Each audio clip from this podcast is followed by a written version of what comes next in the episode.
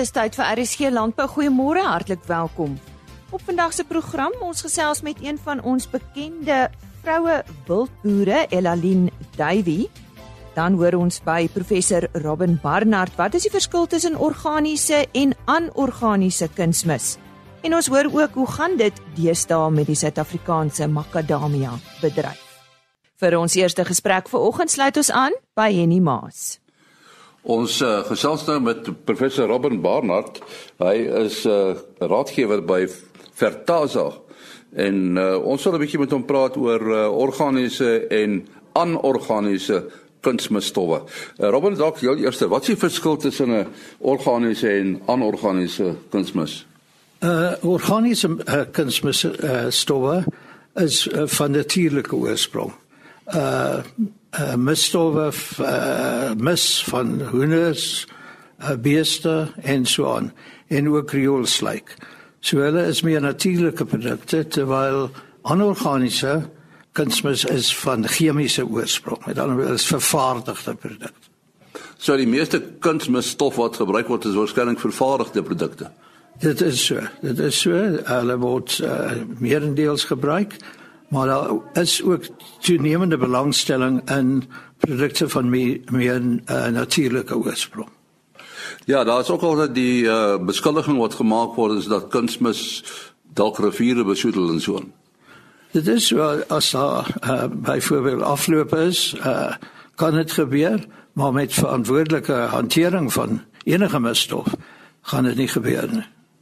Nou die die die stowwe wat in hierdie kunsmis is, die anorganiese en organiese is die die die basiese stowwe eintlik maar dieselfde. Hulle is dis 'n interessante punt dat uh plante neem die noodsaaklike voedingselemente in presies dieselfde ioniese vorm op. Al is dit van uh, anorganiese of organiese oorsprong. So stikstof word opgeneem as nitraat of ammoniak, fosfaat as fosfate en so aan. Dis presies dieselfde eintlik. Daar daar's verskillende sogenaamde kunsmisgroepe, nê. Nee. Dis korrek. Uh wetgewing in Suid-Afrika vereis registrasie van uh, mistowwe. Daar's uh drie groepe. Uh, groep 1 is uh, NPK en hoë hoeveelhede.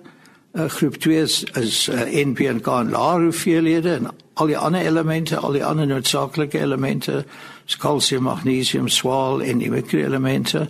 En dan is daar 'n nuwe groep, groep 3, wat eintlik bestaan uit 'n nuwe innoverende produkte wat nie in die ander twee kategorieë pas nie. En en die die stowwe wat gebruik word in kunsmis, is dit plaaslik beskikbaar of moet dit ingevoer word? Die uh stikstof word plaaslik vervaardig, maar baie van die ander uh, word nie.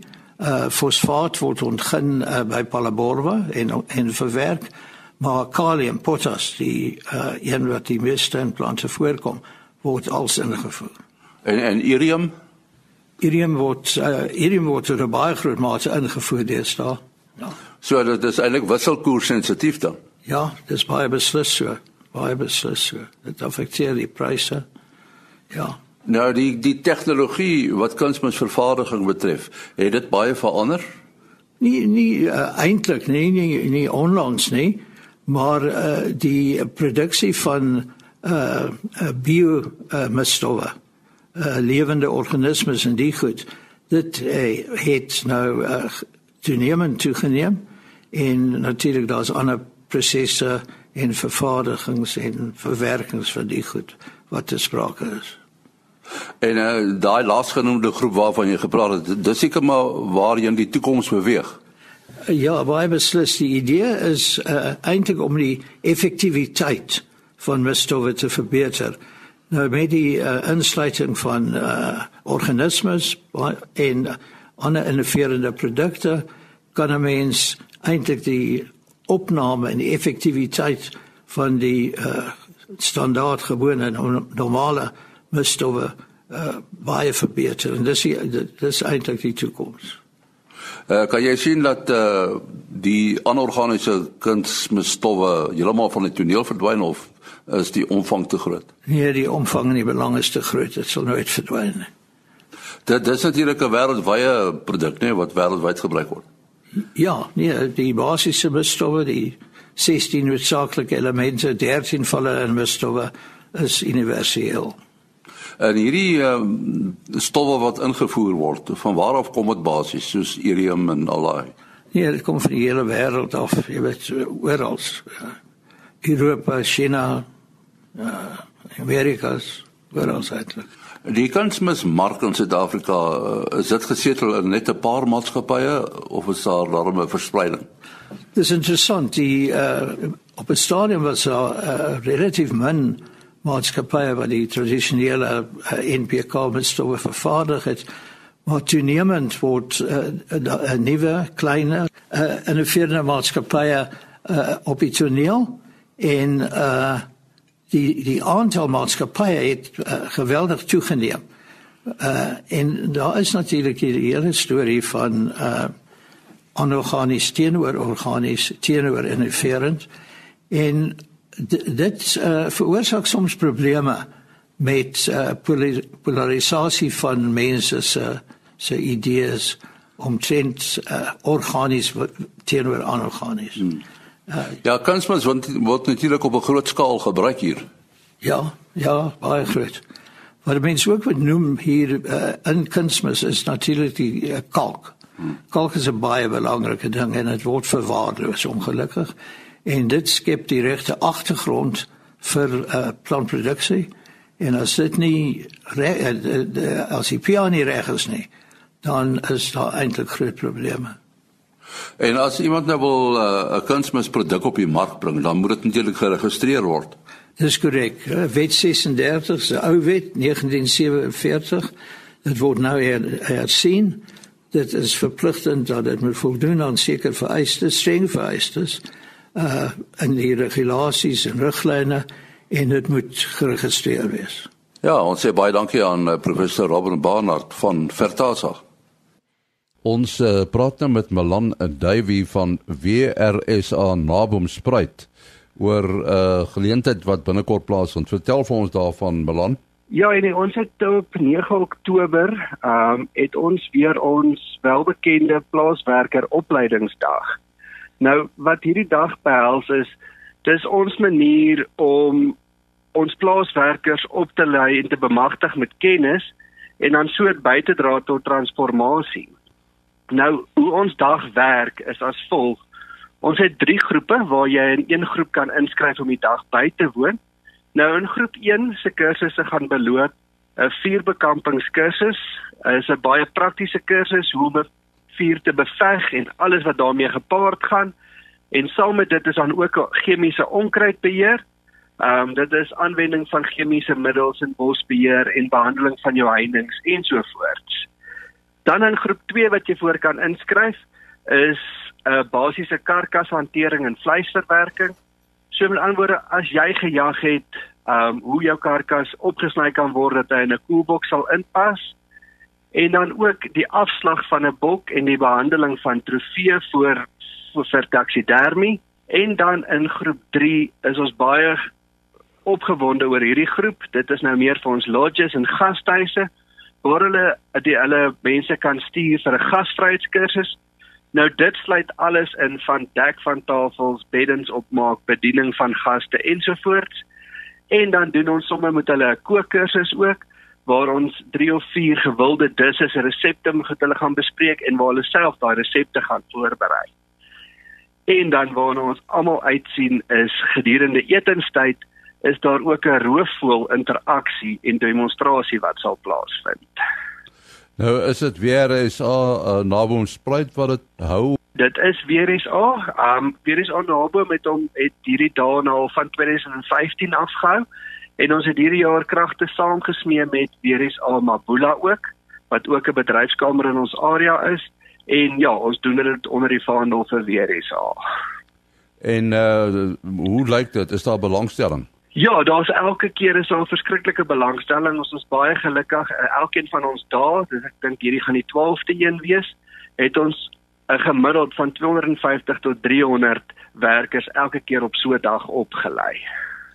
En uh, hoe moet mense maak om hulle werkers daar te kry? Ehm um, hulle moet asseblief vir my verwanda kontak by WRSA se hoofkantoor en uh, haar e-pos is admin@wrsa.co.za en dan sal sy al die inligting vir hulle kan stuur. En net weer daai adres. Ehm um, dis admin@wrsa.co.za. Asse ons hartlike dank aan Malan Davey. Hy is van WRSA Naboomspruit en hy het gepraat oor hierdie werkersopleidingsdae. En nou gesels ons wildsake. Eralyn Davey is 'n vermaarde wildboer en uh, sy is van Romaku Ranch. Eralyn het ook 'n hele klomp uh, toekennings al gekry en diep spore in die bedryf getrap. Eralyn, miskien net so ietsie oor uh, Romaku Ranch self. Waar is dit en 'n uh, bietjie agtergrond? Jong, Romaco Ranch is is geleë naby Naboomspruit, daar in daai lekker skilderagtige waterberge. En ehm um, die naam is afkomstig van my drie seuns wat so 'n kombinasie is van Rodney, Malan en Colin. Nou dit is 'n wildplaas Ehm um, wat van die begin af het ons 'n bietjie, jy weet, vlakte wild begin aanhou en ehm um, soos wat dit vermeerder het, het ons met die jagstorie begin en uit daai inkomste wat gegenereer is, het ons maar begin om um, uh, van die skaarder dieder spesies te begin aanhou in beskermde areas waar ons hulle kon aanteel om dan weer daai verbeterde genetika op die jagplaas te sit waar waar daar weer gejag is. En nou vandag nog deel ons nog steeds met die diere in in in so 'n beskermde area en uh gebruik ons dit vir jag en dis veral spesies jy weet soos buffels in Livingston elande en swartwitpense en so voort.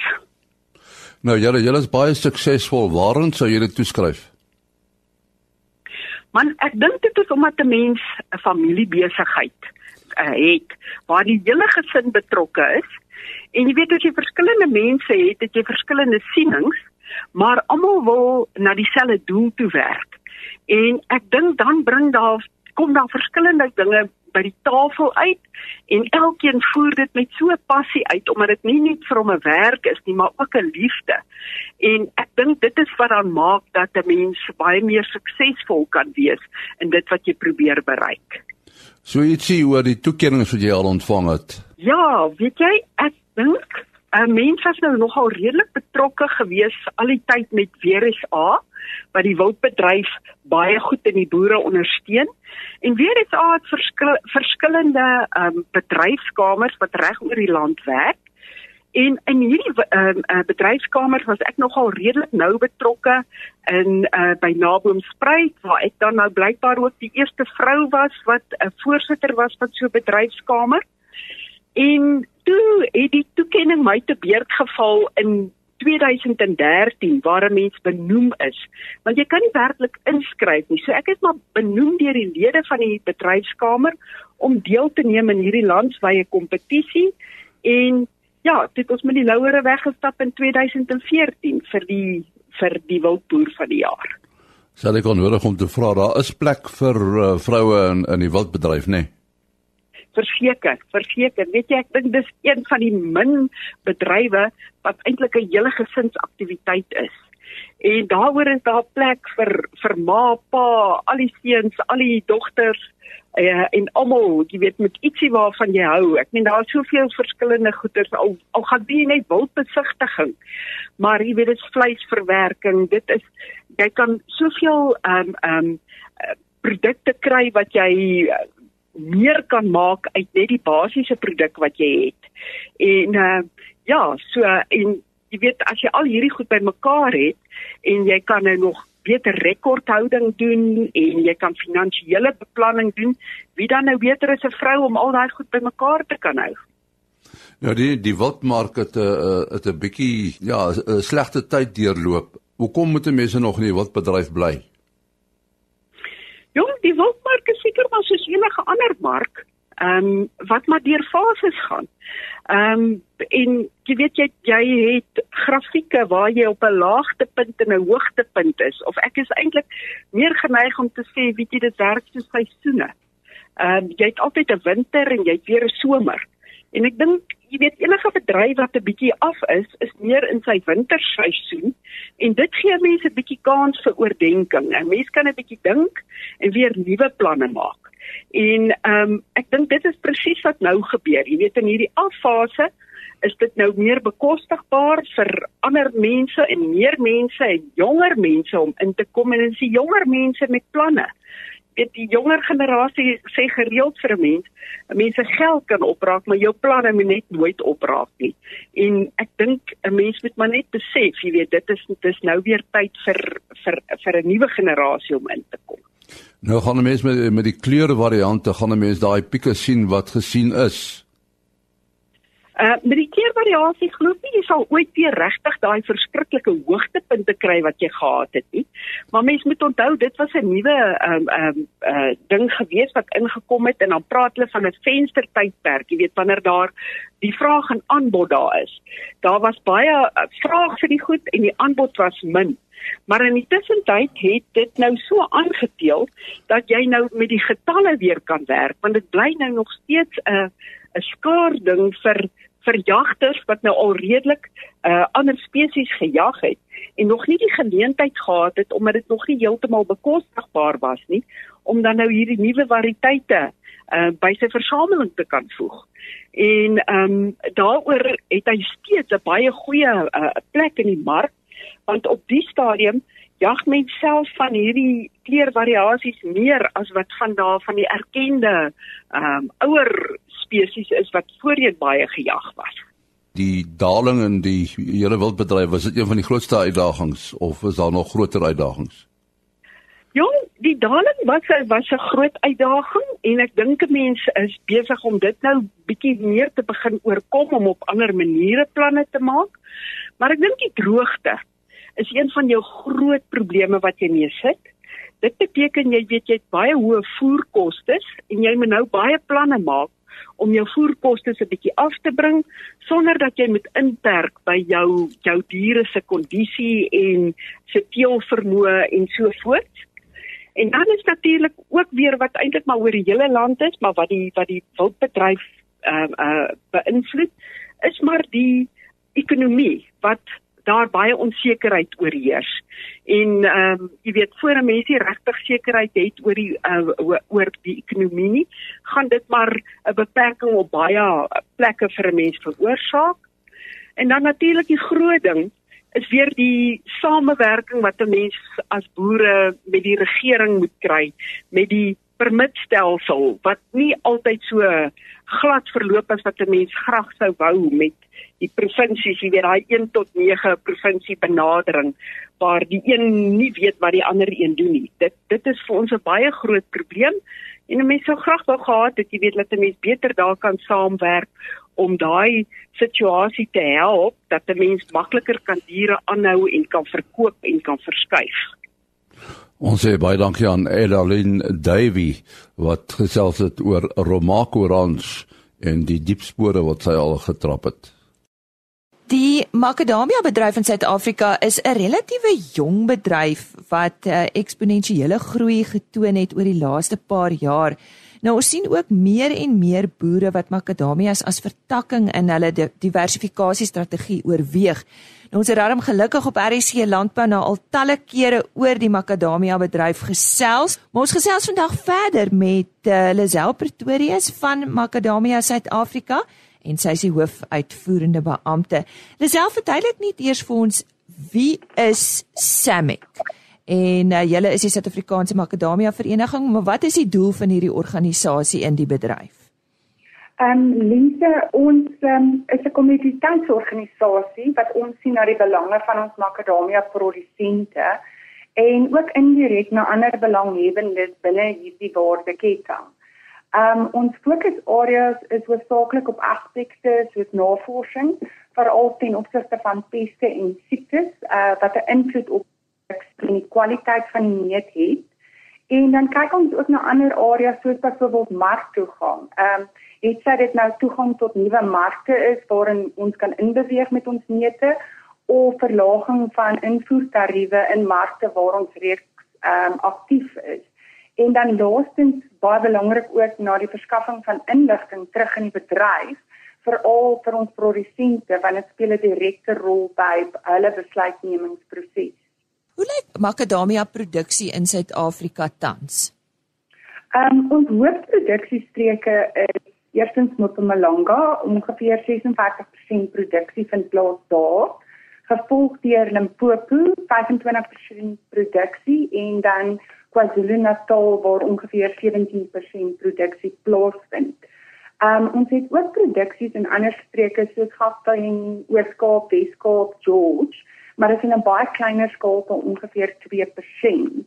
Um as ons kyk na ons algehele produksiesyfers, sien ons dat um as ons vergelyk 2003 was Suid-Afrikaanse produksie net so oor die 12000 ton en dit het gegroei tot laas jaar in 2018 met oor die 58000 ton en gevolglik is Suid-Afrika ehm um, die grootste makadamia produserende land op hierdie stadium. Vir die seisoen wat voorlê, die huidige 2019 seisoen, skat ons groei van ongeveer so 2000 ton en ons glo so teen einde van 2019 behoort dit so ongeveer oor die 60000 ton te wees. Goeie nuus. Hoe lyk vooruitskattinge in die toekoms vir uh, makadamia produksie en gaan dit 'n invloed hê op die goeie prys wat behaal word, uh, Lazel? Ehm um, wel, Suid-Afrika is deel van die internasionale makadamia raad. Ehm um, waar ons juist onlangs in Amerika vergader het met ander lande soos Australië, Kenia, ehm um, Amerika en China en in detail gekyk het na wat is ons vooruitskattinge wêreldwyd vir die toekoms. Ehm um, En op hierdie stadium voorsien ons as ons kyk na die 2018 wêreldwye ehm um, vooruitskattings van oor die 220 000 ton wat geproduseer is, skat ons in die volgende 7 jaar dat produksie gaan groei na net so oor die 700 000 ton. Wat beteken dit is 'n wêreldwye groei van oor die 320%. Nou, um, ons is baie opgewonde oor hierdie wêreldwye groei wat plaasvind maar ons wil seker maak dat makadamias behou hulle status as 'n premium neut teen 'n premium prys. Ehm um, alles moet ons ag neem dat makadamia neute maak maar nie van die totale neute mandjie um, oor die 1% uit. En juist daarom het ons as die internasionale makadamia raad besluit dat ons in die volgende jaar of twee wil begin met generiese bemarking hoofsaaklik gefokus om die verbruiker meer bewus te maak oor die gesondheidsvoordele en ook natuurlik oor hoe om makadamia te gebruik binne hulle gesonde dieet. Maar in dieselfde asem kan ons sê ons verbruikers is definitief meer en meer gesondheidsbewus en gelukkig reeds bewus oor die voordele wat dit inhou vir hulle, soos byvoorbeeld vir hulle hart, help met siektes soos cholesterol, diabetes, beskerm die brein en natuurlik baie goed vir gewigverlies. Wat is een van die grootste probleme binne die Suid-Afrikaanse makadamia bedryf? Uh Lisa, ek sou sê diefstal. Ehm um, as ons kyk na 'n opname wat ons 'n paar jaar gelede gedoen het, het dit gewys dat die skatting is dat net oor die 156 miljoen rand uh se neute word gesteel. Um, en ons glo die syfer is egter baie baie hoër. Nou dit het vreeslike ekonomiese implikasies vir alles ons kyk na eerstens die produsent, die fenominale verliese wat hulle ly, gevolg deur werksverlies uh, wat plaasvind um, as op belastingontduiking. Maar ook krities is om ag te neem dat ehm um, daar gesondheidsrisiko's want hierdie neute, hierdie gesteelde neute word baie keer verwerk in uiters onhigiëniese omstandighede. En die risiko vir die verbruiker wat dit eet is natuurlik siektes byvoorbeeld soos salmonella. Ehm um, maar ons werk egter baie nou saam saam met die ehm um, Suid-Afrikaanse polisie diens. Ehm um, nie die doel om te kyk na hierdie sindikate en ehm um, misdadigers aan die kaap te lê. Sjoe. Om hier af te sluit, uh, Lazel, hoe word Samex se werksaamhede befonds? Ehm um, Samex word befonds uit 'n statutêre heffing wat elke produsent ehm um, betaal per kilogram neute. En ehm um, daarom is dit 'n statutêre verantwoordelikheid vir elke produsent asook vir hanteerders en prosesseerders en kwekerye om te registreer by SAMEC.